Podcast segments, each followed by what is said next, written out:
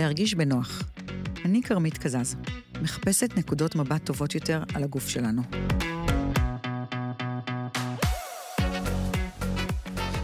הסיפור שלי הפעם הוא מורכב לי במיוחד, כי חוץ מחדרי פסיכולוגים וקואוצ'רים, אף פעם לא דיברתי על זה.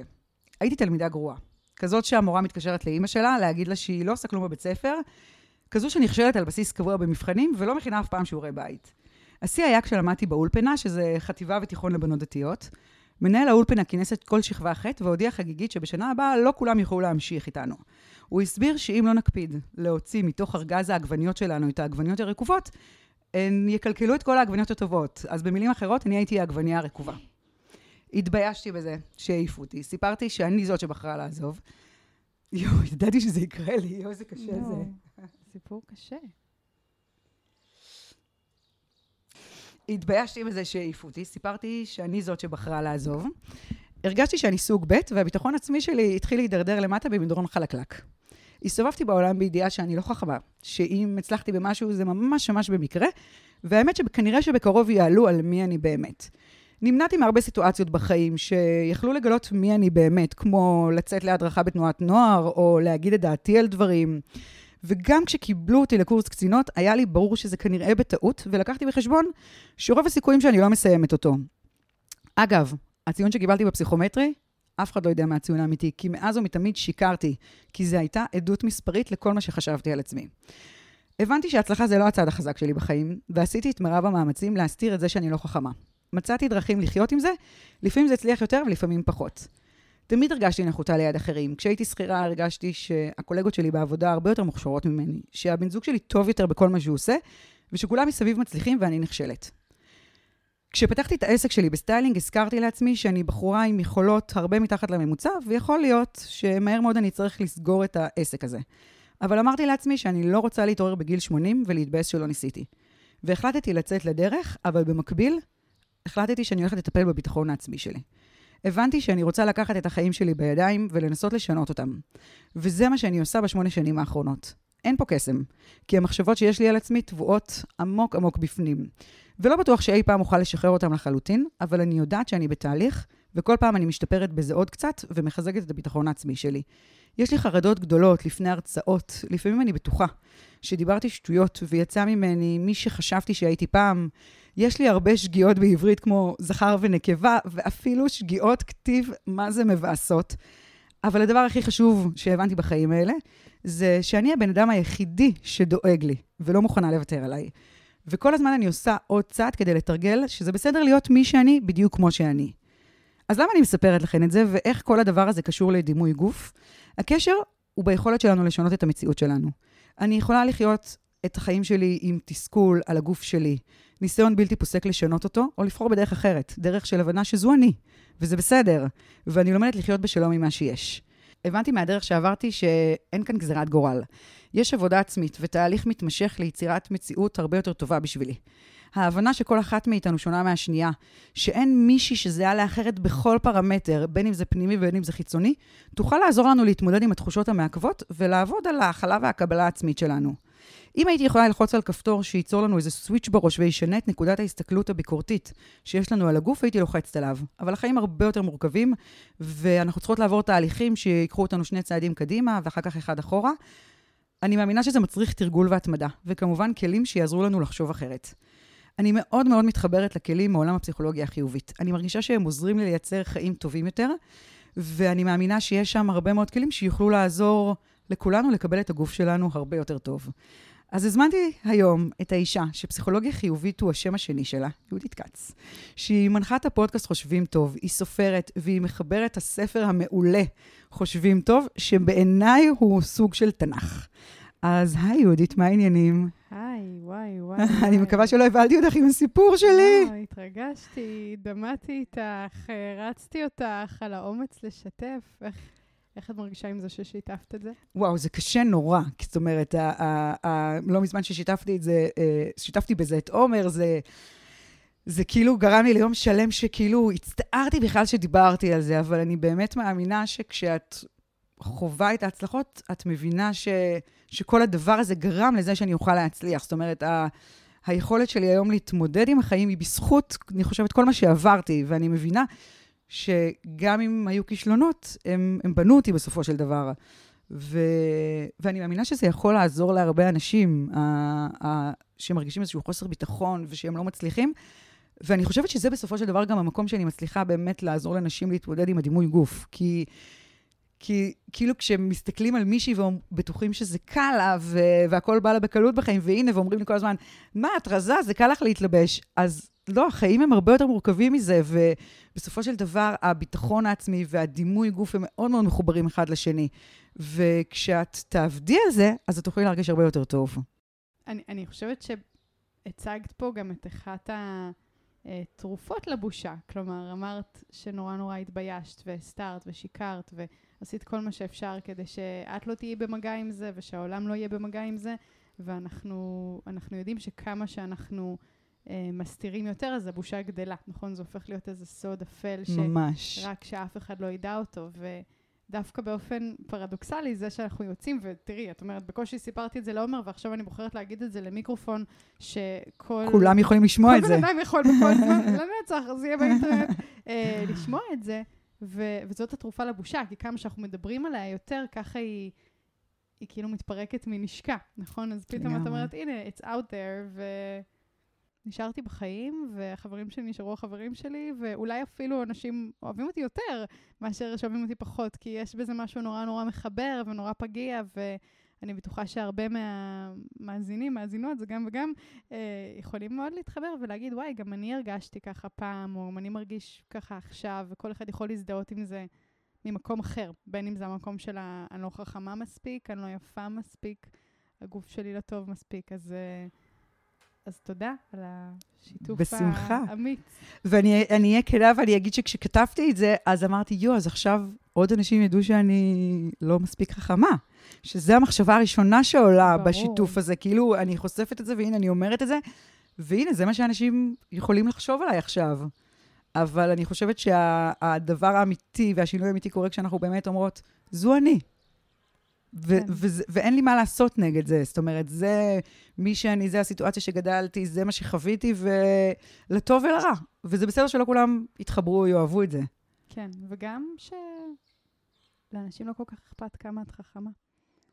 אכפת להם כמה הם חכמים. אה, זה נכון, אם כן. כי כאילו, אני חושבת שמישהו שחווה את, ה, את, ה, את החוסר הצלחות כמו שלי, הוא מאוד מאוד שופט אנשים לפי ה...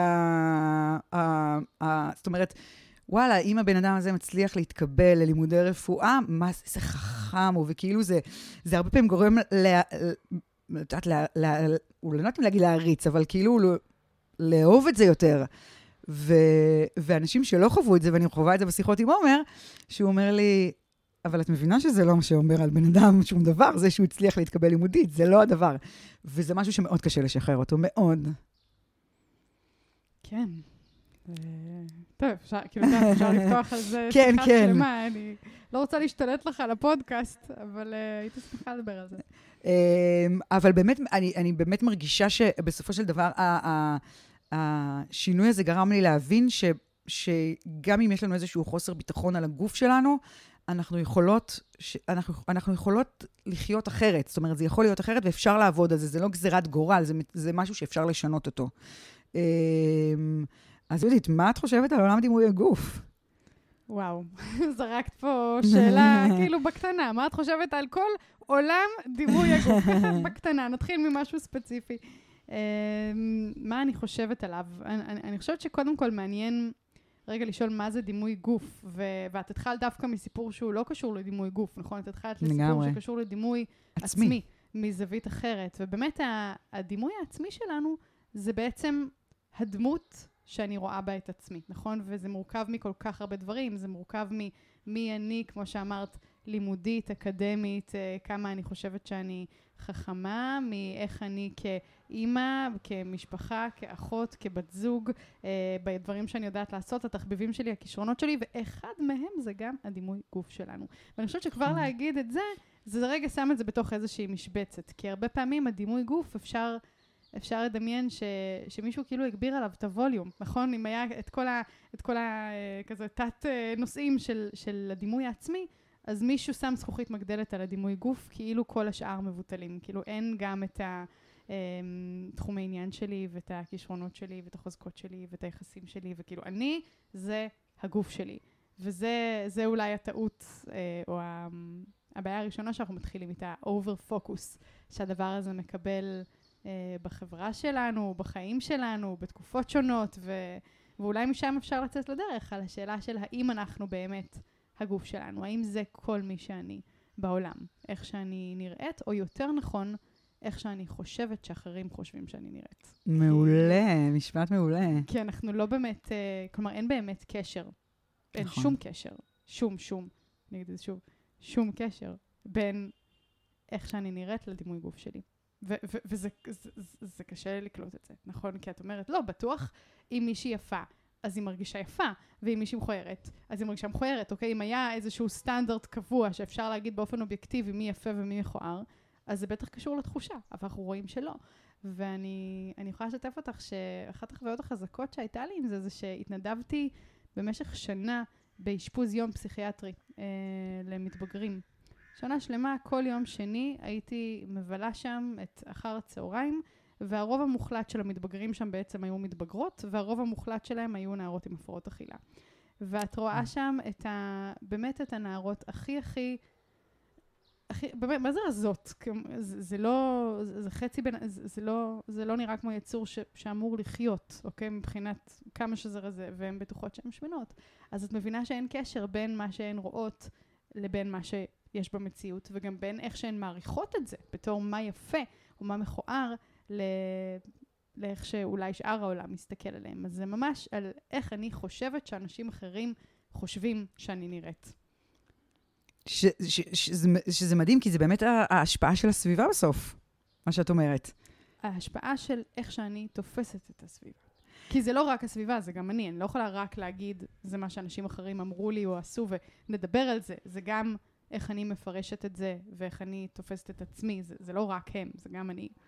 כן, יש, פה, ש... יש פה שני שחקנים לטנגו. נכון. יחד עם כן. זאת, אני כן חושבת שהרי אני, אם אני מנסה רגע לחשוב על סיטואציות ש... שחוויתי בחיי, אז הרי יכולתי לראות מישהי שאומרת, טוב, היא יפה, אז היא תמצא חתן. זאת אומרת, כאילו, היה איזושהי כל הזמן התייחסות ל... ל...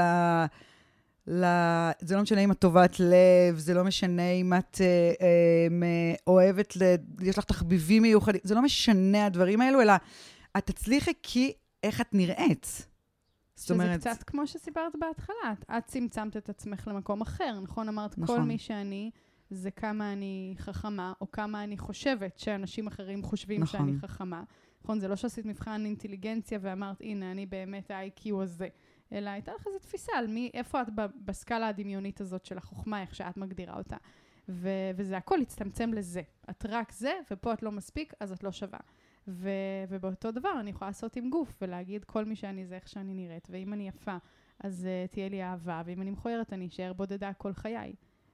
וזה הסכנה גם שמתחילה, תגידי לי כמה, מתי את רוצה שנפתח את ההימנויות? אה, מתי שאת פותחת זה מעולה. את יודעת שאני מתחילה להיכנס למקומות שאני מונעת מעצמי דברים בחיים, או שאני הופכת להיות עבד של זה, ואני אני, אני עובדת בדבר הזה יותר מדי, כי, כי זה כל מי שאני.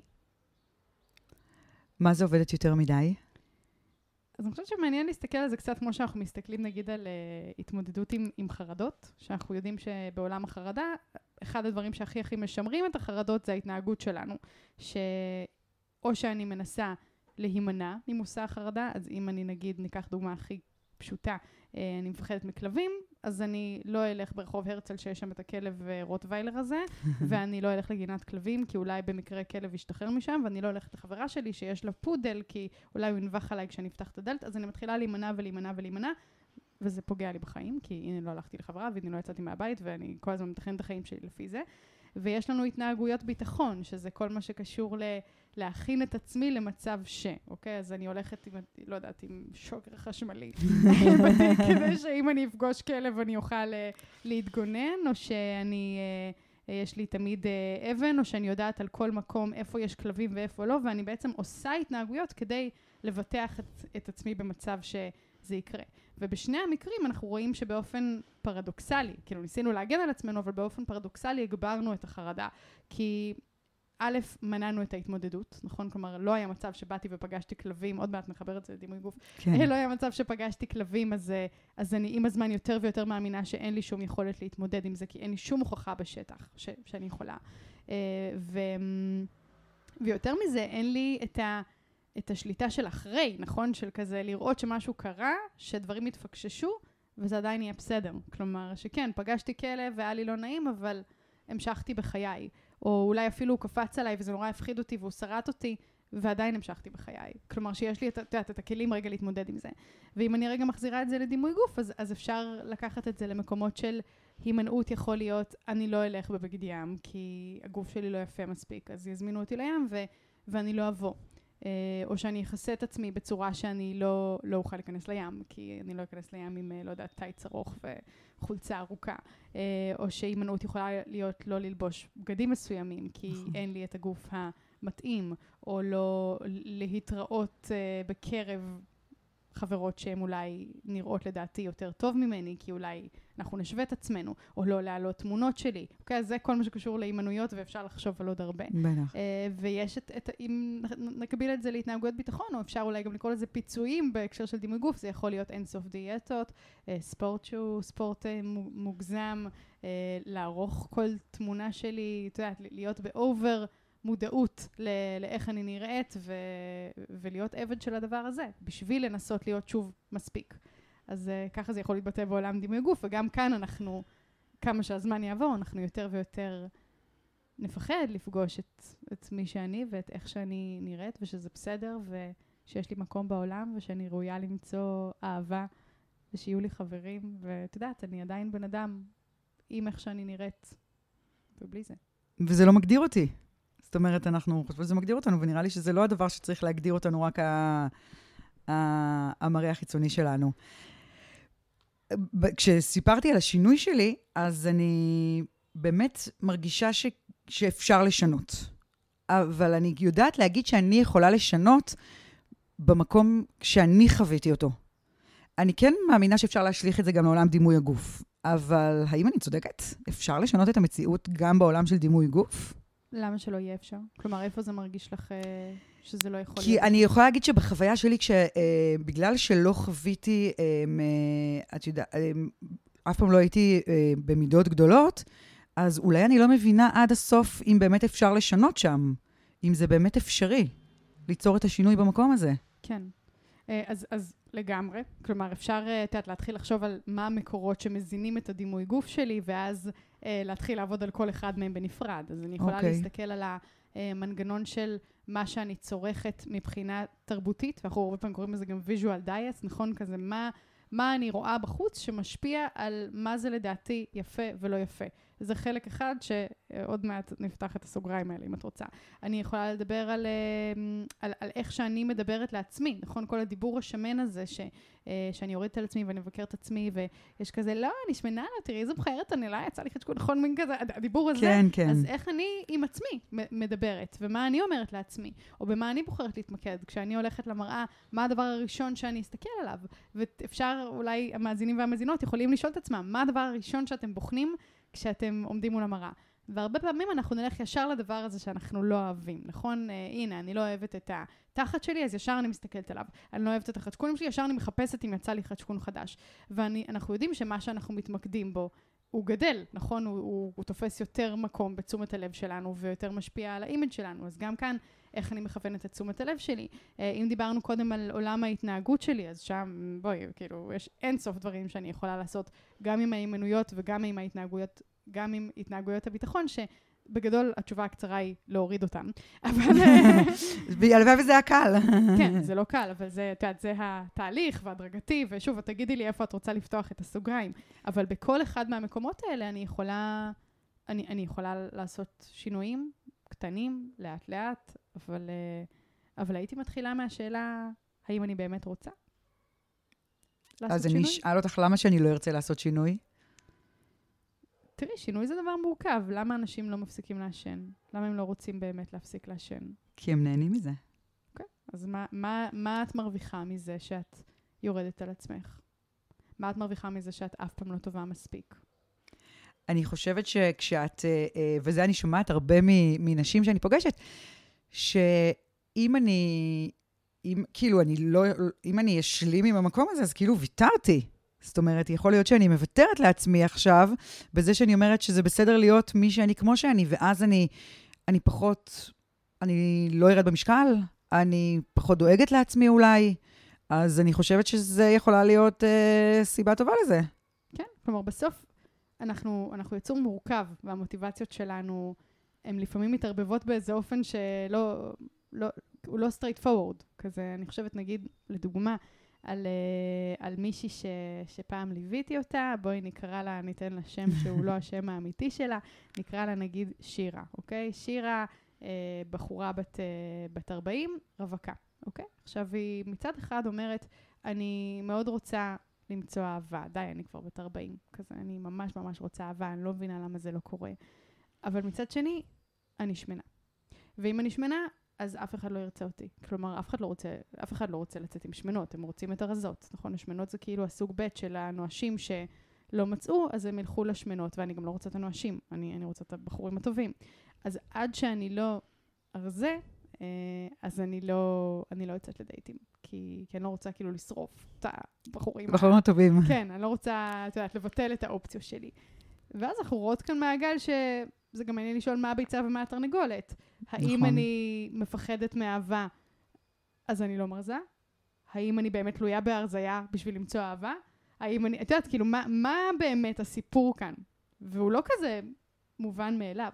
נכון. האם באמת אני צריכה לרזות כדי שמישהו יאהב אותי?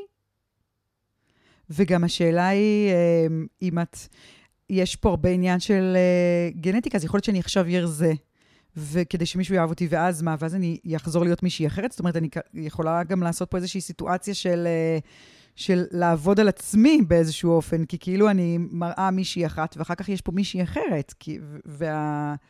וזה עבודה חיצונית ולא עבודה פנימית, בסופו של דבר. לגמרי. ואת אומרת דבר מעניין, את אומרת, האם אני בכלל יכולה לרזות? שאלת השאלות. ולא לא תמיד התשובה היא כן, שאפשר גם לדבר על זה, אבל אני חושבת על אותה, על אותה שירה, ש, שבסוף היא רזתה, אבל היא עדיין לא יצאה לדייטים. כי זה אף פעם לא היה מספיק, היא אף פעם לא הייתה מספיק רזה. וואו, עכשיו, זה לא שהיא מטורף. הפכה להיות uh, שלד, כן? היא לא הייתה מאלה שסיפרתי עליהם בהתחלה, אבל היא רזתה באופן משמעותי. ועדיין ראית שאין קשר בין הביטחון שלה לבין זה ש... ש... שכזה, אוקיי, הנה, ירדת עשרה קילו, זה, זה שינה משמעותית את איך שהיא נראתה. לגמרי. אבל זה לא גרם לה לצאת לדייטים, כי עדיין בראש שלה היא לא ראויה, היא לא טובה מספיק.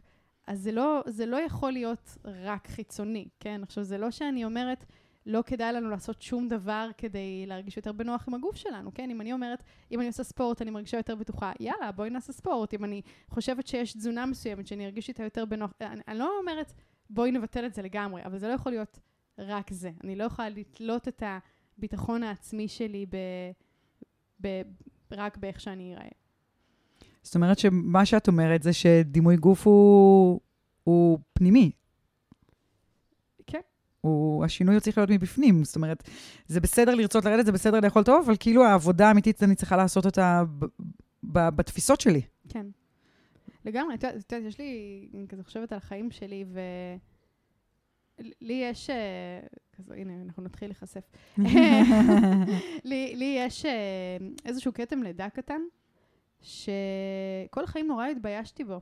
וכזה הייתי, לא יודעת, אה, שמה את השיער באיזשהו אופן שלא יראו אותו, או מרימה, כאילו הייתי כזה מנסה איכשהו להסתיר אותו כל הזמן. ו... ואיזושהי חוויה של בושה, של הסתרה, ש... שאסור שיראו את זה כי, כי זה נורא נורא מכוער.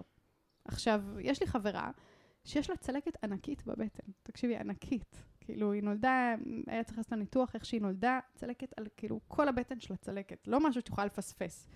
והיא הולכת עם ביקיני, כאילו, את אומרת, לא, לא עברה לה אי פעם מחשבה בראש אה, שאולי היא צריכה ללכת עם בגד ים שלם כדי שלא יראו את זה. ואני מסתכלת עליה ואני אומרת, זה לא קשור. את יודעת, לפגם. אם היה לה את הכתם לידה הזה, היא לא, היא לא הייתה כאילו, היא לא הייתה חושבת על זה אפילו. אז אה, לא זוכרת איך הגעתי לזה אפילו, אה, העניין שזה, שזה פנימי. אז כן, יש כאן משהו של האם אני ראויה אה, להסתובב בעולם ככה, וגם מה התפקיד של הגוף שלי, ואני חושבת שלפחות אצלי זה היה השיפט הכי הכי גדול, המעבר מהגוף שלי פה כדי להיראות באופן מסוים ולהיות מספיק יפה, להיות איזשהו פסל שמסתובב בעולם, שאני יכולה להעריך אותו ואנשים יכולים להעריך אותו ולהגיד, hmm, התחת שלה ככה, הציצי שלה ככה, עזה שלה ככה, למול הגוף שלי משמש אותי, והוא יודע לעשות דברים, והוא יודע לקפוץ ולרקוד ולשיר ולשחות ולעמוד ולדבר ולחשוב, אוקיי? ו- ולכתוב דברים, ו- וכשאני זוכרת את זה, אז אני אומרת, אוקיי, מה זה משנה? כאילו, את יודעת, who fucking cares? שיש לך כתם לידה. זה כזה... זה לא מה שתחשבי עליו כשתמותי. את לא תהיי כזה, זה נכון. וואי, איך היה לי כתם לידה כל החיים, נכון? את תהיי כזה, לא, הייתי, את יודעת, הייתי עם אנשים, עשיתי דברים, נהניתי מהחיים. אה, ו, ו, ו, וזה לדעתי התרופה הכי טובה. אה, את יודעת, אם אני רגע מדברת על state of mind לדימוי גוף, המעבר מהגוף שלי כאן כדי להיות יפה, להגוף שלי כאן כדי, כדי להיות וכדי לעשות איתו דברים. ואז אני, אני אוהבת אותו. כי אני אומרת, וואי, הגוף שלי יודע, לא יודעת, אני חושבת אפילו על אחרי לידה, כזה. אף אחד לא נכון. סיפר לנו שאחרי לידה, הציצים נהיים יותר קטנים. מה זה השטויות האלה? תגידי לי. כאילו, את אומרת, זה אמור להיות, אה, את יודעת, את יודעת, בהריון גדלים, בהנהגה גדלים, ואחרי זה נהיים יותר קטנים ממה שהם היו קודם. מה זה הדבר הזה? אף אחד, אף אחד לא כתב לי את זה בהסכם. עכשיו, אה, עכשיו, כשאני מסתכלת על זה, אני, אני מתבאסת, באמת. זה, לא, זה מבאס אותי. אבל מצד שני, אני אומרת, הגוף שלך יצר בני אדם, והוא הזין שני בני אדם, הנקת אותם במשך מלא זמן. זה מטורף. ממש. ו- וזה המורכבות, אני חושבת, שכאילו אנחנו לא יודעות להגיד לו תודה על זה, אלא כן. אנחנו כועסות עליו בעיקר. כן, יש תרגיל כזה מעניין של מה... את יודעת, איך את מדברת לגוף שלך, שכזה תכתבי רגע את איך שאת מדברת לעצמך, ולכל אחת יש כזה, אה, הגוף שלך לא מספיק ככה, את לא מספיק יפה, מה זה החדשקון הזה, למה את עומדת ככה, אה, את לא יכולה לבוש את זה, תרשמי את זה רגע על דף. היית עדינה, אני כן. נראית כמו פרה, אני נראית כמו חבית, הציצי שלי כמו מחלבות, אה, זה... תביאי, תביאי אני שומעת דברים קשים יותר מזה. הרגליים שלי בולי עץ, הצוואר שלי כמו של ג'ירפה, הצוואר שלי קצר, אני, דיבורים מאוד מאוד קשים יש. כן. אז לכתוב את זה על דף, ורגע להקריא את זה בקול רם, כאילו לא בתוך הראש.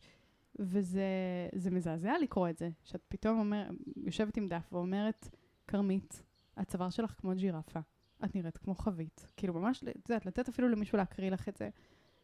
את אומרת, oh my God, איך, איך אני מדברת לעצמי כזה? לא הייתי מרשה לעצמי בחיים לדבר ככה לאף בן אדם בעולם.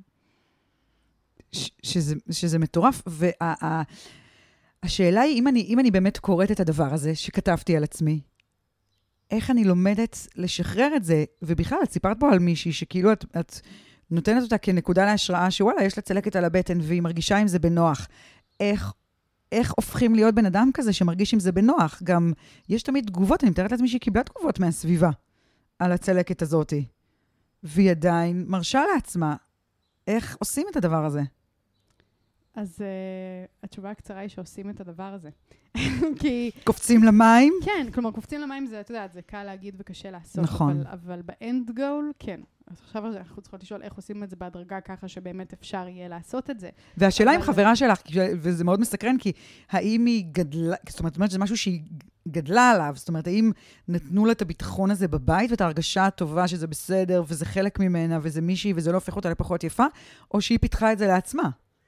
תראי, זה תמיד גם וגם וגם. כלומר, תמיד תהיה לזה איזושהי נטייה גנטית, את יודעת, כמו כל דבר, ותמיד יהיה לזה מה שחווינו וראינו, והמודלים שהיו סביבנו, ואני מניחה שאצלה זה איזשהו שילוב. עכשיו, אני, אני לא יודעת לפרק את זה אצלה ולהגיד כמה זה הגנים שלה וכמה, מה היא בדיוק ראתה. אה, אני לא יודעת, אני מניחה שהיה שם משהו שהוא משהו אה, מיטיב. אבל אה, את יודעת, אם אני רגע חוזרת להשוואה אליי, ובסוף דימוי גוף זה כל כך הרבה סיפורים על השוואות, ש... אני חושבת שההורים שלי דיברו איתי סבבה, כאילו, אני חושבת שהדימוי גוף שלי הוא יותר נמוך משלה, ו, ו, ואני חושבת ש... אני, אני, לא, אני לא יכולה להצביע על משהו שמישהו משמעותי דפק אותי בעניין הזה, כן? כלומר, אני לא חושבת שאמרתי, כן, גדלתי באיזה בית שכולם היו כאלה פרפקציוניסטים וכולם היו לי, זה לא, זה לא המקרה. ועדיין יש משהו שאנחנו סופגות מהסביבה וכמה אנחנו רגישות לזה ומה אנחנו מקיפות את עצמנו. Uh, אני זוכרת למשל שהייתה לי מורה אה, לקרוא לה מורה זה, זה, זה לבייש את המושג מורה, אבל אה, שהיא הייתה איתי באיזושהי תחרות הזויה. עכשיו, הייתי בת 13, בתקופה הכי, את יודעת, חסרת ביטחון.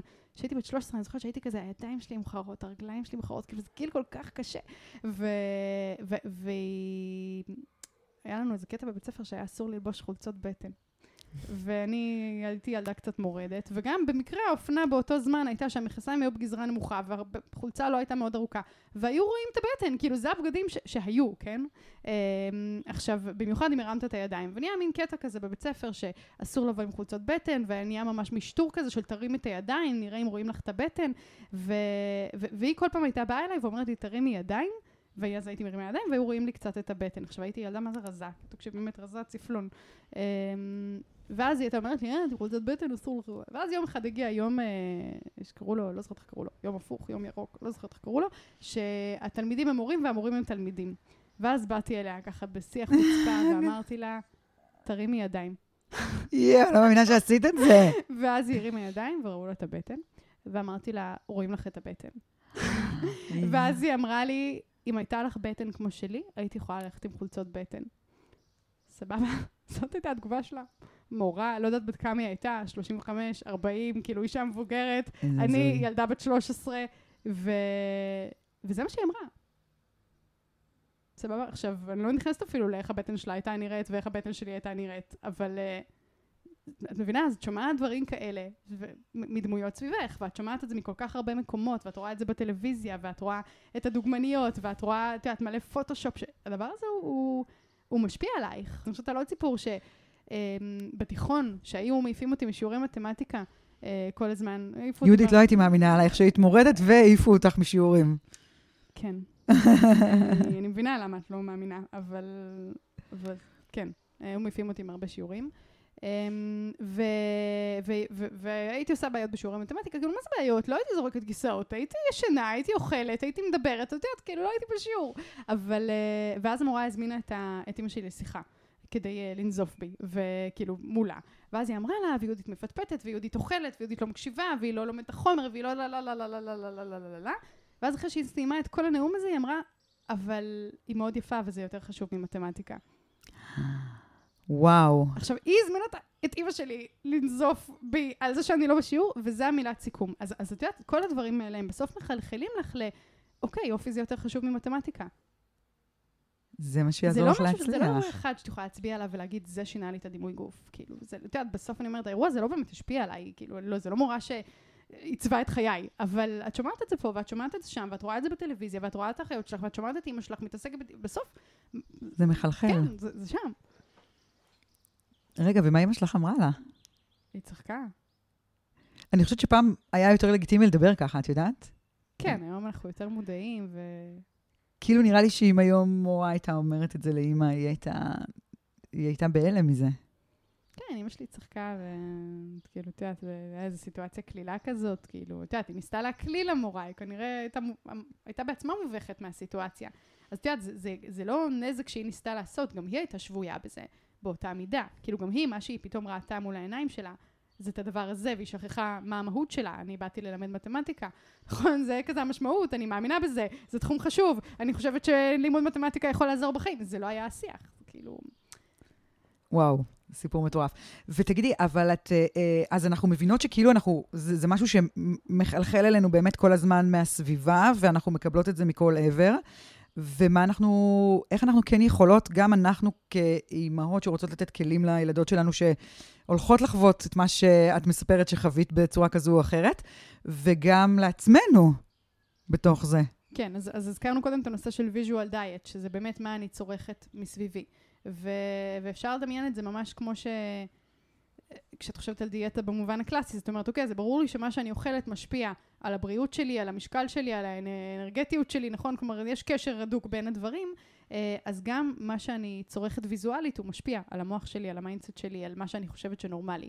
וזה משהו שאנחנו ממש רואים אה, במחקרים, שכשעשו ממש מחקר כזה שהראו לנשים כל מיני סוגים של מבני גוף, אוקיי? אמרו, הנה, אה, הרבה סוגים של נשים, נגיד, רזות, נראות בכל מיני דרכים, אבל כולן רזות. הנה נשים, לא יודעת, כזה נקרא לזה בינוניות, ונשים שמנות. ואז חשפו אותם לכל מיני מראות שונים, ושאלו אותם מה יפה.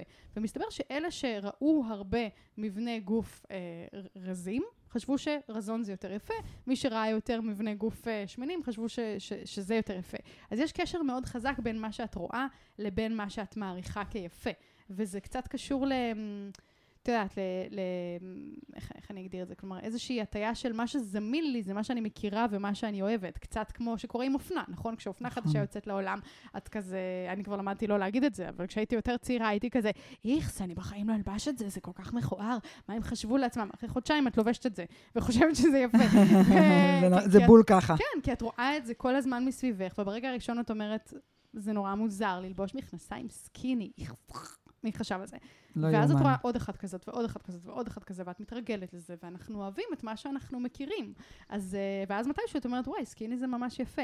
ואת גם מתחילה לאהוב את זה על עצמך, ואת יודעת, זה נהיה מה שאת מכירה. ואותו דבר, כשאת נחשפת למראות שונים, אז את, אה, אז את מתחילה לאהוב את זה, ולהעריך את זה. ובהקשר של visual diet, אז השאלה היא במה אני מוקפת כשאני פותחת את ה social media שלי, כשאני פותחת את האינסטגרם, את הפייסבוק.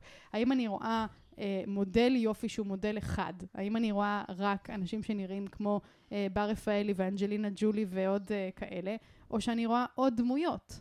ו- ואני יודעת שכמה שאני אגוון את עצמי בעוד דמויות, אני אחשוב שעוד דברים זה יפה, וזה יעזור לי גם לקבל את עצמי, אם אני אראה עוד אנשים שנראים כמוני.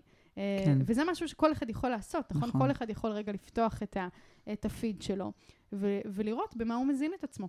אה, ו, ושיש עוד דברים בעולם. יש אנשים שגבוהים ויש נמוכים, ויש רזים ויש שמנים ויש כהים ויש בהירים, יש הכל. ו, וזה משנה את מה שאני מעריכה כיפה.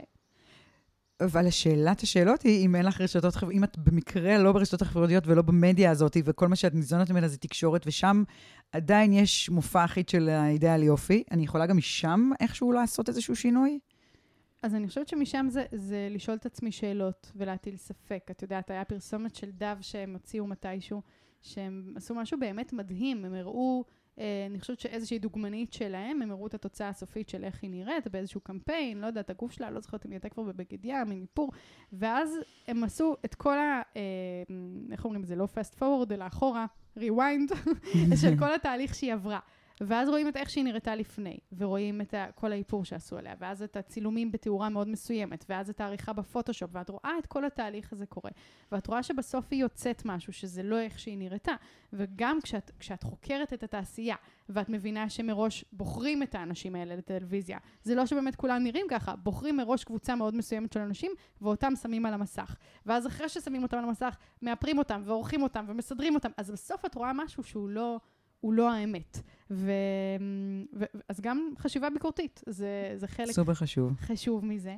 ואני חושבת שזה גם נוגע למה שאנחנו עושות על עצמנו. את יודעת, היום יש המון פילטרים אה, באינסטגרם, ויש אפליקציות, וכל מיני דברים שאני כל פעם מופתעת לגלות מה יש, כן? אני רואה דברים שמגדילים לך את העיניים, דברים מטורפים. ואנחנו רואות שיש קשר בין כמה שאנחנו עורכות את עצמנו לדימוי גוף שלנו. כי יש היום כל מיני מגמות כאלה שנערות נגיד אומרות, תעשו לי אה, ניתוח שיגרום לי להיראות כמו הפילטר שלי. אוקיי? אז... שזה מטורף. זה, זה מטורף. אז זה דרך שבה את בעצמך פגעת בדימוי גוף שלך, כי את יצרת מראה שלך שהוא לא המראה שלך. שאז את מתאכזבת שאת לא נראית כמוהו. עכשיו, הוא לא אמיתי, נכון? אין דבר כזה. נכון. אבל, אבל את רוצה להיראות כמו זה. אז חלק מזה זה גם לשאול, האם אני מציבה לעצמי משהו שאחרי זה אני, אני מתאכזבת שאני לא נראית ככה. ולא להשתמש בפילטרים. נגיד, את לא משתמשת בפילטרים? אני לפעמים משתמשת בפילטרים. ואיך את מרגישה עם זה? Um, כאילו, מה זה פילטרים? אין לי אפליקציות שמגדילות לי את השפתיים ואת העיניים, כאילו, כזה, לא השתמשתי. יהודית, זה לא אפליקציה, זה רק לבחור באינסטגרם את הפילטר. אה, יש פילטר? כן. אז פה אני אפילו לא יודעת את זה. אני, אני כאילו קצת... לא שיחקתי עם הפילטרים. לא, אז נגיד אני לא עד כדי כך, אבל כן יש כזה, ב... אולי זה לא נקרא פילטר, אבל יש באינסטגרם כזה, אחרי שאת מעלה תמונה, אז את יכולה לעשות swipe, ואז זה משנה כן. לך את ה... את הצביעה של זה. את הצבעוניות, כן, כן, אוקיי. אז יש כזה שאני בוחרת, וזה משנה קצת את... אה, שזה, שזה בסדר. אז שוב, מה זה בסדר ומה זה... הכל בסדר, כן? מי אנחנו נכון. שנגיד מה לא בסדר? כאילו, אם אני רוצה עכשיו נכון. להגדיל לעצמי את השפתיים, שמישהו יגיד לי שזה לא בסדר, אני לא יודעת. אבל, אבל, אבל כן, כשאת באיזשהו מקום מפתחת איזושהי, איזושהי תלות בזה, נכון? את אומרת, אוקיי, מה יקרה אם עכשיו אין את הפילטר הזה? האם אני עדיין יכולה להעלות את התמונה? כאילו, מחר האינסטגרם מת, ואת רוצה להעלות תמונה, ואת יכולה אה, באותה קלות להעלות? או שאת יכולה להעלות עכשיו לשיחה בווידאו שבעצם אין בה את הפילטר הזה, או שזה גורם לך לחשוב פעמיים. ואז אנחנו שוב חוזרות לאזורים של, ה, של ההימנויות, כי אין לך את ההתנהגות ביטחון הזאת, נכון? את זה שהנה, אני יכולה לעלות, אבל רק עם פילטר. אז אני חושבת שאת יודעת, אין, אה, אני בטוחה שכל אחת נמצאת בזה איפשהו. את יכולה גם להגיד שאיפור זה סוג של פילטר, נכון? נכון, לגמרי. זה שאני מתאפרת ואני שמה מייקאפ או מאסקרה. זה פילטר, נכון? אני לא נראית, זה פילטר שהוא לא דיגיטלי, אבל הוא פילטר. אז אני לא שאני אומרת, אסור לעשות את זה, כן? בסוף כל אחת שתבחר מה שעושה לה טוב, אבל, אבל אנחנו צריכות לשאול את עצמנו את השאלות של למה זה גורם, והאם אני תלויה בזה, והאם אני מסוגלת אחרי זה להיראות אה, בלי זה. ויש נשים שהן, את יודעת, בזוגיות עם בן אדם, והן לא יכולות להיות לידו לא מאופרות. זה מטורף. אז, אז הכל שאלה של מה התוצאות של הדבר הזה בחיים שלי, מה המחיר ומה התועלת. אני מתאפרת, כן? אני לא אומרת לך, בואי אה, עכשיו, כאילו, לא נתאפר, לא נוריד שערות, לא נדאג ל... אני עושה את הדברים האלה, כן? אבל, אבל זה לשאול את השאלות של כמה אני, כמה אני תלויה בזה. ו, וזו עבודה אינסופית. כאילו, אני לא אגיד לך שאני נמצאת במקום שאני אומרת, אה, ברור, אין לי שום, אה, כאילו, שום עניין ואני חופשייה מזה לגמרי. אגב, אני חושבת שגם נשים שיעידו שיש להם דימוי גוף חיובי על עצמן, זה לא משהו שהוא... שהוא, זאת אומרת, זה לא שכל יום קמות בבוקר והן מרגישות הפי-הפי ומתות על עצמן. זאת אומרת, זה איזשהו אה, יום למעלה, יום למטה, שזה בסדר. זאת אומרת, השאלה היא בסוף, מה המגמה? כן. ואם אני מצליחה לעשות איזושהי מגמה של שיפור כל הזמן. אה, וזה מה שחשוב בעיניי בדבר הזה בסוף. אני, אני מאוד מאוד מאוד חסידה של uh, עבודה התנהגותית. כאילו, אני, לפחות בחיים שלי, וגם כשאני מלווה אנשים בתהליכים אישיים, אני מאוד דוחפת לבואו נעשה דברים בשטח. כי אני חושבת שבסוף אפשר לראות את המוח שלנו כמו איזה מישהו שמסתכל עלינו מהצד, והוא מבין עלינו דברים. אז כמו שאת מסתכלת עליי, ואת אולי אומרת, אה, אוקיי, אה, יהודית היא, לא יודעת, היא מתלבשת באופן מסוים, או מדברת באופן מסוים, אז זה בטח אומר עליה שהיא בטוחה בעצמה, או שהיא חכמה, אוקיי? כמו שאמרת על הרפואה, שאמרת, כן. אם הוא לומד רפואה, אז הוא חכם. נכון? הסתכלת עליו מהצד, ועשית איזה היקש כזה. אז גם אנחנו מסתכלים על עצמנו מהצד, אוקיי? גם אני מסתכלת על מה שאני מרשה לעצמי לעשות ועל הדברים שאני עושה. ואני לומדת מזה, על מי אני ועל מה אני מסוגלת לעשות. איך עושים את זה? איך מסתכלים על עצמנו מהצד? זה, זה לא משהו שאת בוחרת לעשות, אלא את כל הזמן, אני אומרת את זה קצת מטאפורית, את מסתכלת על עצמך מהצד, את לא באמת יצאת מעצמך, אבל את כל הזמן אומרת מה עשיתי ומה זה אומר עליי, נכון? מה אני מסוגלת לעשות ומה זה אומר עליי. עכשיו, אם את תלכי לים, נגיד, אה, ו... ויהיה לך קצת לא נוח, ותגידי, טוב, אולי מסתכלים עליי וזה מביך, ואני לא מספיק יפה, ואין לי את הגוף לבגד ים, ואני אחרי שתי לידות ובלה בלה בלה בלה בלה בלה אבל בסוף הלכת לים. אז את אומרת, אוקיי, אני יכולה ללכת לים, הנה. עובדה. כזה, נכון, הייתי בים, נכנסתי למים, נהניתי מהגלים, נכנסו לי, נכנסתי חול לחזייה, כן? אבל הייתי בים, חוויתי את החוויה, זה אחלה של דבר, מרגישים ממש כזה בחיים כשעושים את זה. אז, אה, אז עובדה שזה יכול לקרות, ועובדה שאני בן אדם שיכול להיות בים, ושכנראה שאני מספיק uh, טובה כדי להיות שם. אז יש משהו בכזה, לאסוף את ההוכחות מהשטח, שזאת העבודה ההתנהגותית. ולפעמים זה אומר לאתגר את מה שאני לובשת, כזה קצת כמו שאת עושה, שאת אומרת, אוקיי, בואי תנסי ללבוש משהו שהוא נראה לך לא במשבצת של מה שהגוף שלך אמור להיות מסוגל אה, ללבוש, ובואי נראה מה קורה. ובואי נעיז רגע, את יודעת, זה יכול להיות אפילו... אמ, אני זוכרת שפעם כשלמדתי uh, טיפול קוגניטיבי התנהגותי, אז הייתה איתי מישהי בקורס שסיפרה, כאילו דיברנו על כזה לאתגר את עצמנו ולצאת ולעשות משהו שמעורר בנו חרדה. ואז היא סיפרה שהיא באיזשהו חוג ריקוד, ו... והיא תמיד בשורה האחרונה, והיא תמיד עם סוואטשרט. עכשיו, חם רצח כשאת רוקדת. ממש. אבל היא תמיד עם סוואטשרט, כי היא חושבת שהזרועות שלה שמנות מדי. ואז היא אמרה, אני אוריד את הסוואטשרט. זה נורא קשה. כאילו, את יודעת, יום אחד את אומרת, הנה, עכשיו אני יוצאת, וכאילו כל העולם עכשיו יסתובב אחורה ויגיד, ראיתם את uh, נחמה, אני ממציאה על השם? הזרועות שלה. ראיתם שנחמה הורידה את הסוואטשרט? ראיתם את הזרועות שלה? כאילו זה מה שאנחנו מדמיינו, נכון? את כל המבטים מופנים עלינו וכזה, אה! ו... והיא עשתה את זה. והיה לה כיף לרקוד יותר, בלי סוואטשרט. ו... וברגע הראשון את בטוחה שכולם מסתכלים עלייך, ואת בחרדה מזה, ורגע אחר כך את רוקדת בלי סוואטשרט. אני חושבת שמה שאת אומרת זה מנציח את הפער המטורף שיש, שפער שאני אומרת שהוא ממש 180 מעלות בין מה שאת רואה לבין מה שהסביבה רואה. וכי אני קודם כל חושבת שאנחנו מאוד מאוד ביקורתיות, והסביבה לא ביקורתית לגוף שלנו כמו שאנחנו. ואז כשאת באמת מנסה את זה, ורואה שכאילו לא קרה כלום, בין אם זה ללכת לים ובין אם זה להוריד את הסוואטשרט, אז פתאום את אומרת, וואלה, אף אחד לא יסתכל על זה, זה רק אני רואה את הדבר הזה. וזו הבנה שהיא מאוד משחררת. לגמרי. יש uh, ציטוט כזה של uh, דיוויד פוסטר וואלאס, שאני בטח מעוותת אותו, אבל, uh, אבל הוא אומר משהו בסגנון של uh, אנחנו נהיה הרבה פחות מוטרדים ממה אנשים אחרים חושבים עלינו, כשאנחנו נבין כמה נדיר שהם עושים את זה. נכון? כשאת חזק. הולכת לחדר מלא ב...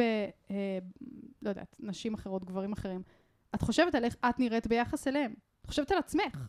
את לא חושבת נכון. עליהם. וכל אחת גם חושבת על עצמה. זה לא שהיא יוצאת מהבית ואומרת, אני רוצה היום לראות איך כרמית נראית. ולהעריך אותה על זה, היא חושבת על עצמה, אז גם אם זה ביחס אלייך, היא תמיד חושבת על עצמה. עכשיו, זה אחד שאני, אני לגמרי מסכימה עם זה שזה מאוד משחרר. אבל מצד שני, לפעמים הקטסטרופה כן מתרחשת.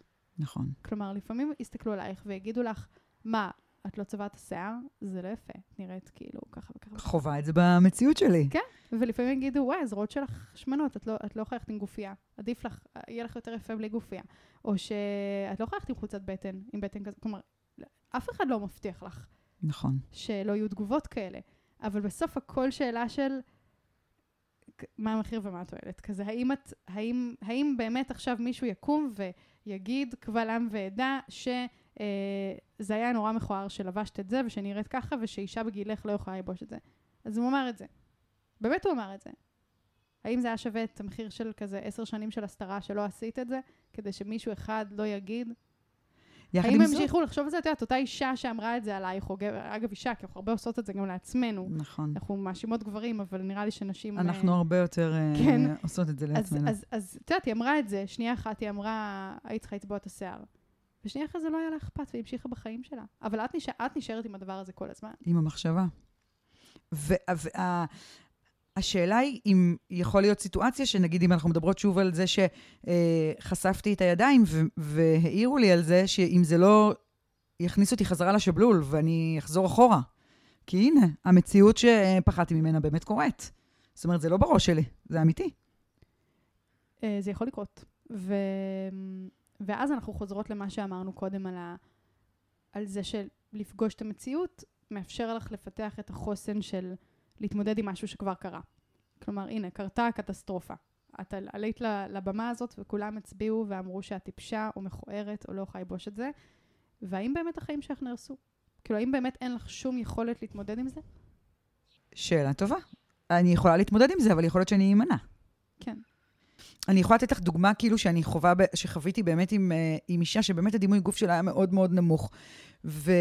והלבשתי אותה, והסתכלה במראה ואמרה שזה יפה, ושלחה תמונות לאחותה בהתלהבות, ואחותה אמרה לה, איכס, מה זה, זה משמין אותך, זה נראה זוועה. והיא חזרה אחורה והצטערה שהיא קנתה את זה. ואז באמת, איך אני יכולה לשנות את, ה- את הדימוי גוף, לשנות את, הס- את המציאות שלי, כשהסביבה נותנת לי חיזוקים למה שחשבתי על עצמי, מה שפחדתי אבל את ממנו. יודעת, לפעמים זה באמת נכון. את יודעת, לפעמים את חושבת שאת שמנה, ואת באמת שמנה. כאילו, יש מצבים כאלה, נכון? זה לא רק, דיברנו קודם על האנורקסיות שחושבות שהן שמנות והן לא שמנות. לפעמים את חושבת שאת שמנה, ואת באמת שמנה. לפעמים את חושבת שיש לך אף גדול, ובאמת יש לך אף גדול. כזה, זה, זה באמת יכול לקרות. לא, גם כשאת אומרת אמ, את זה, כאילו זה נשמע מאוד מאוד פשוט והגיוני. אה, עכשיו, השאלה היא, איזה פרשנות את נותנת לזה שאת שמנה? כי, אוקיי. את יודעת, שמנה זו עובדה. זה יכול להיות עובדה. את יודעת, יש משקל שמגדירים אותו כשמן, יש משקל שמגדירים אותו כרזה. אפשר להתווכח על ההגדרות, אבל בסוף זה כמו גבוה, זה כמו נמוך. אני יכולה להגיד שהעור שלי בהיר. זאת עובדה. אוקיי? אני לא אוהבת את זה, אבל זאת עובדה. והשאלה היא מה, מה, ה, מה הפרשנות שאת נותנת לזה, והרבה פעמים, את יודעת, יש שיטת טיפול שנקראת uh, טיפול מטה-קוגניטיבי, uh, שזה כזה אחד מהבני דודים של הטיפול הקוגניטיבי-התנהגותי, ומה זה מטה-קוגניציה? כאילו קוגניציה זאת המחשבה שלי, נגיד אני שמנה, זאת מחשבה שיש לי, אולי נכונה, היא לא, אולי היא לא נכונה, אבל זאת מחשבה. ו, ויש לי מטה-קוגניציה, שזה מחשבה על המחשבה, אוקיי? אז מה זה אומר שאני שמנה? אוקיי? אז נגיד ששמנה זאת מחשבה, נגיד שזאת עובדה. אני חושבת על הדבר הזה משהו. אני חושבת שאם אני שמנה, אז לא יאהבו אותי. אני חושבת שאם אני שמנה, אז אני לא יפה. אני חושבת שאם אני שמנה, אז אני לא אמצא אהבה. אני חושבת שאם אני שמנה, אז לכל בן אדם מותר להגיד לי מה לעשות. את יודעת, מה, מה זה אומר? אוקיי? נגיד שאת שמנה, לפעמים זה פשוט נכון. אז מה, אז, אז מה? ואת זה אני רוצה להטיל בספק, את המטה-קוגניציה הזאת. שזה משהו שדווקא למדתי מהבת שלי, על, היא אומרת לי, יש הבדל בין עובדה לדעה. ומה שאת אומרת, אני יכולה להיות שמנה זה עובדה, אבל הפרשנות שאני נותנת זה דעה כבר, זה לא עובדה. כן. אה, וצריך, ולה, וצריך אה, לדעת להפריד בין הדברים האלו. זאת אומרת, כי לפעמים אני אומרת, הפרשנות שאני נותנת, אני חושבת שזה עובדה, אבל זה לא באמת עובדה, זה מה שאני חושבת, וזה מדהים. לגמרי. לה, להסתכל על זה ככה. כן, יש uh, משפט כזה נחמד uh, בהקשר של מיינדפולנס, uh, שאומר, uh, thoughts are real but not always true.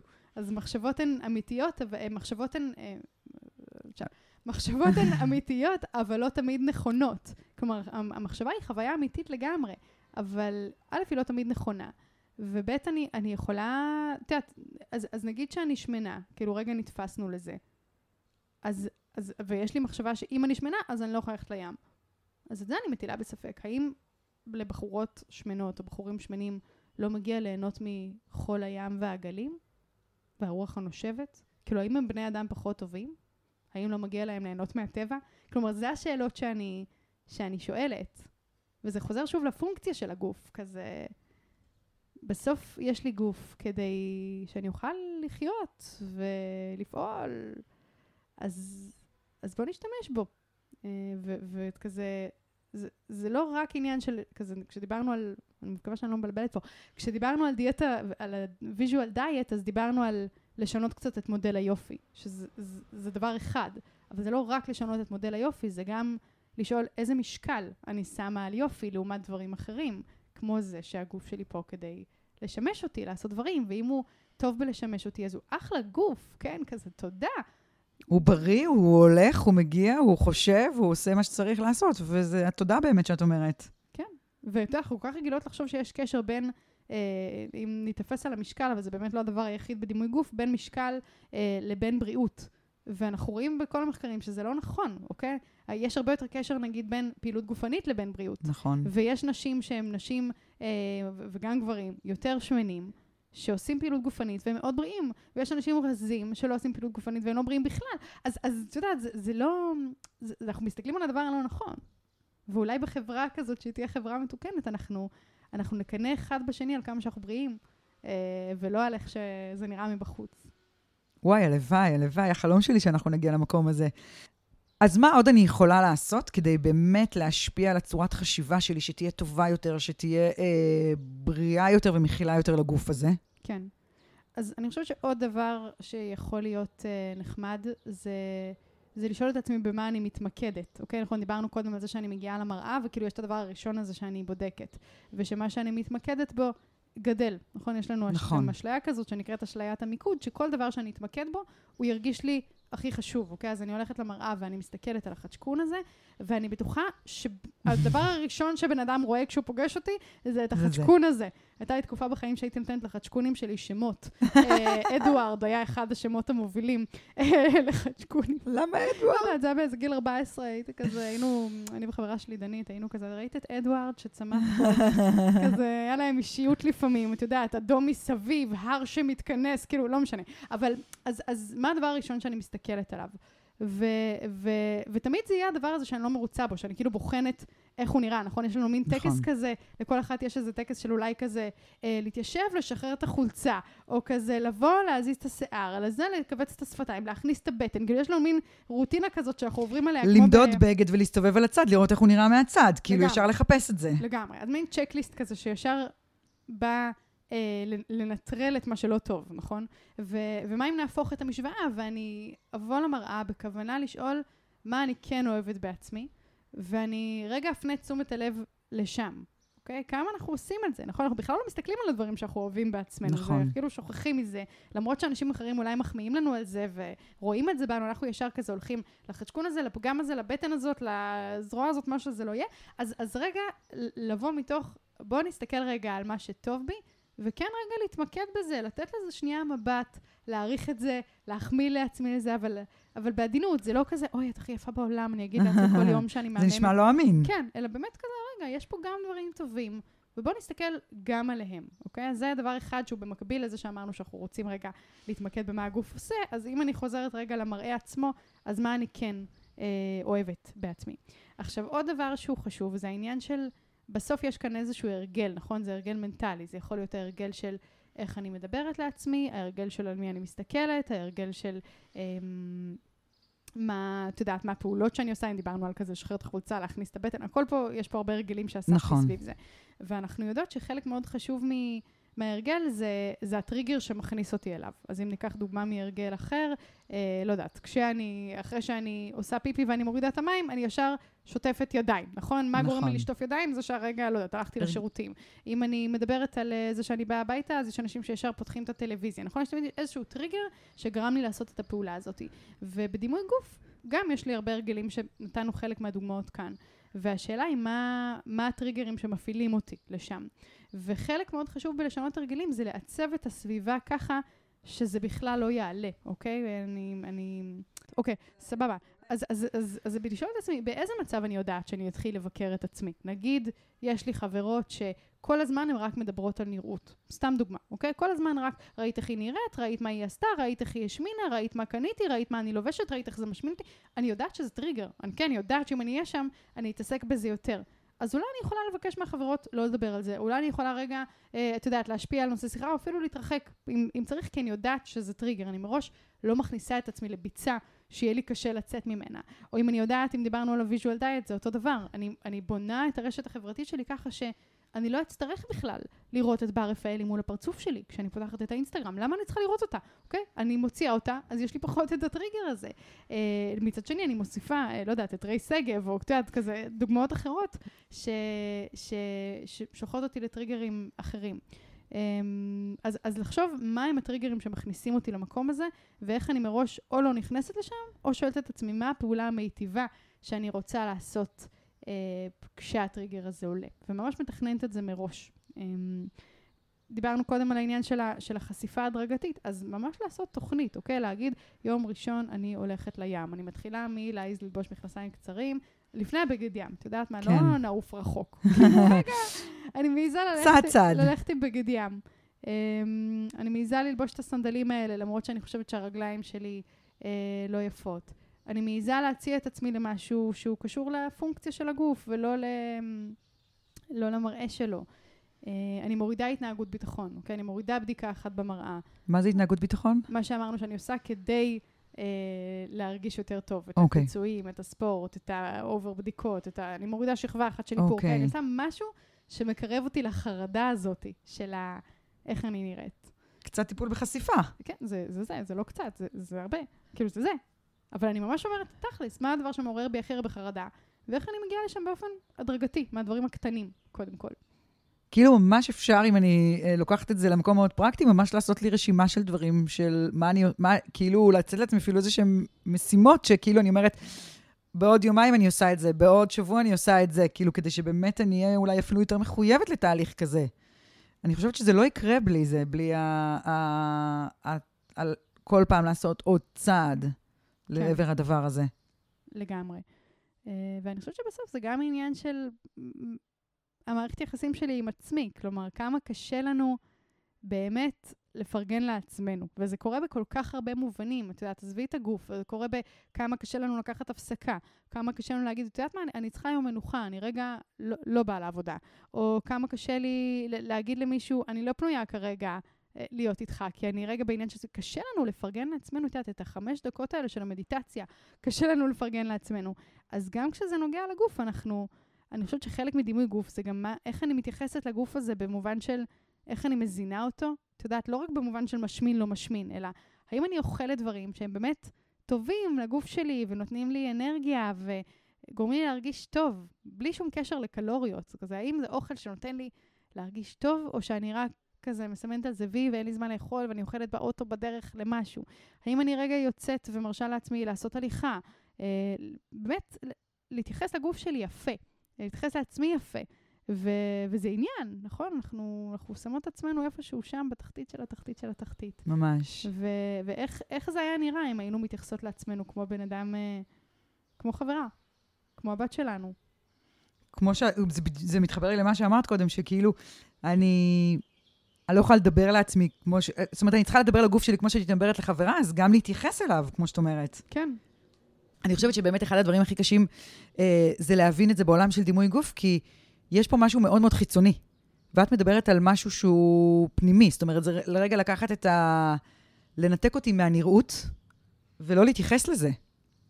וזה אחד הדברים שקשה ברמה שאנחנו הרבה פעמים אומרים, אני רוצה להיות רזה, ולא אכפת לי אם אני אהיה פחות בריאה. וזה משהו קצת מעוות בתפיסה שלנו לגבי הדבר הזה.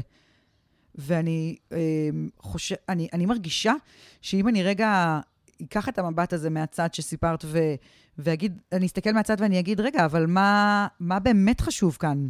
זאת אומרת, מה אני, מה אני אחשוב על עצמי בעוד 50 שנה, שהייתי, שדאגתי לגוף שלי, שנהניתי ממנו, או שחיפשתי שהוא יהיה כמה שיותר רזה? כן. ואני חושבת שההבנה, שה, שזה באמת לקחתי מה, מהספר המעולה שלך, ובכלל מה, מהעולם של הפסיכולוגיה החיובית, זה להסתכל על זה, להס, כאילו להסתכל באמת את ה... מה באמת, כאילו להסתכל בנקודת מבט חיצונית קדימה על אחורה, מה באמת, באמת אני אחשוב שהיה חשוב.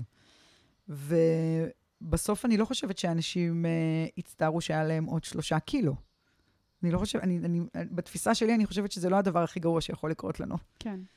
וגם לא הייתי אומרת, אה, את יודעת, זה גם לא ללכת לקיצון ההפוך, זה לא להגיד, אה, בואו לא נשקיע בטיפוח עצמי, או ב...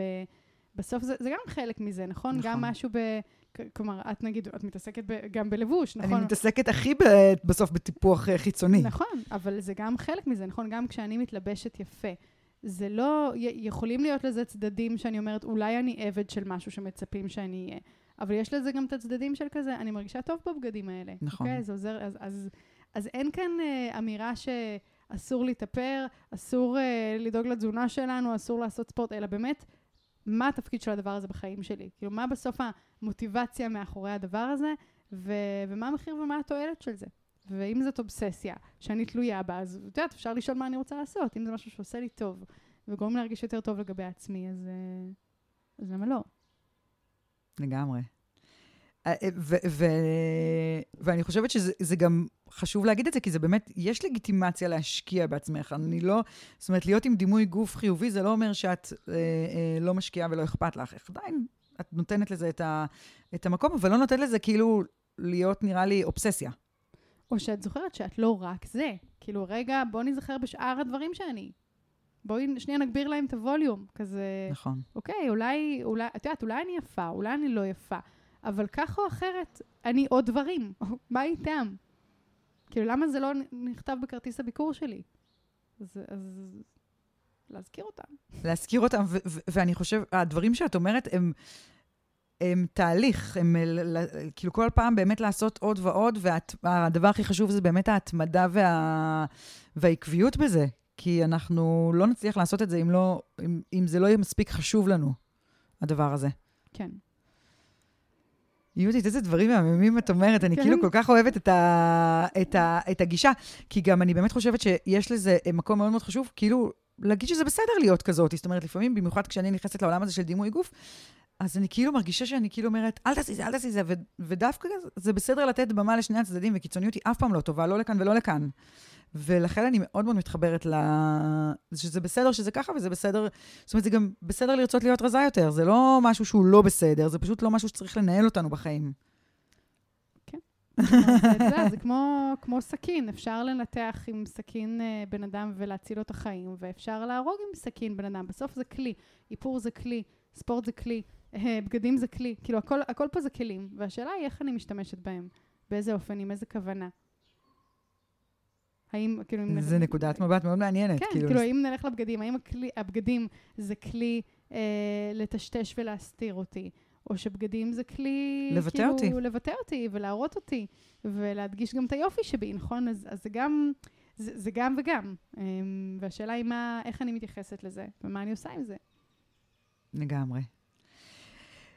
אני רוצה רגע להגיד משהו, קראתי את זה בספר שלך, וזה אה, אה, ציטוט שכתבת של, אה, אה, אני מקווה שאני לא מעוותת את השם, ריינהולד ניבו, ככה קוראים לו, אה, שהוא, אה, זה מתוך תפילת השלווה, ואת כתבת שם, תן בי את השלווה לקבל את הדברים שאין ביכולתי לשנות, את האומץ לשנות את אשר ביכולתי, ואת התבונה להבדיל ביניהם. ומבחינתי זה ממש מסכם את הדברים שאמרת, כי... כי ללמוד לקבל את זה ולחיות עם זה, ואם אפשר לשנות זה גם בסדר, זה מה שיגרום לנו בסופו של דבר לחיים טובים יותר. אני צודקת?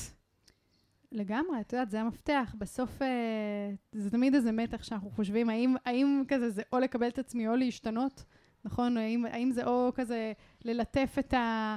לא יודעת, את החדשקונים שלי, אה, או להגיד, אוקיי, אני עכשיו הולכת ועושה טיפולי פנים, וכאילו, האם זה, האם זה באמת שני הפכים אחד של השני?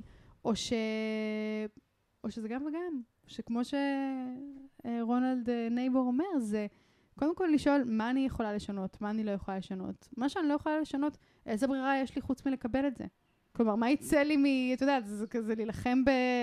ברוח, כזה, מה, מה אני יכולה לעשות חוץ מרגע לעוף עם הרוח ושיהיה מה שיהיה. ואיפה שאני יכולה לשנות, אז, אז כן, אני יכולה להיות אקטיבית לגבי זה, וזה לא סותר אחד את השני.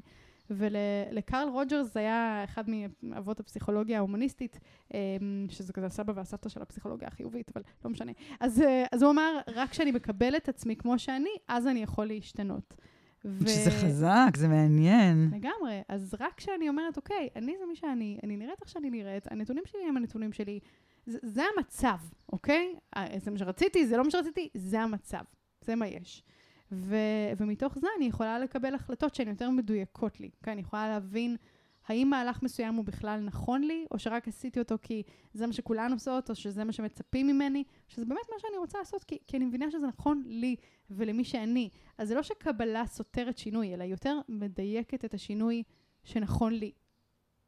מדהים. וואו, איזה חזק זה, כאילו, ההבנה של כל מה שאמרת, זה, זה ממש uh, מחבר את זה ומחדד את זה.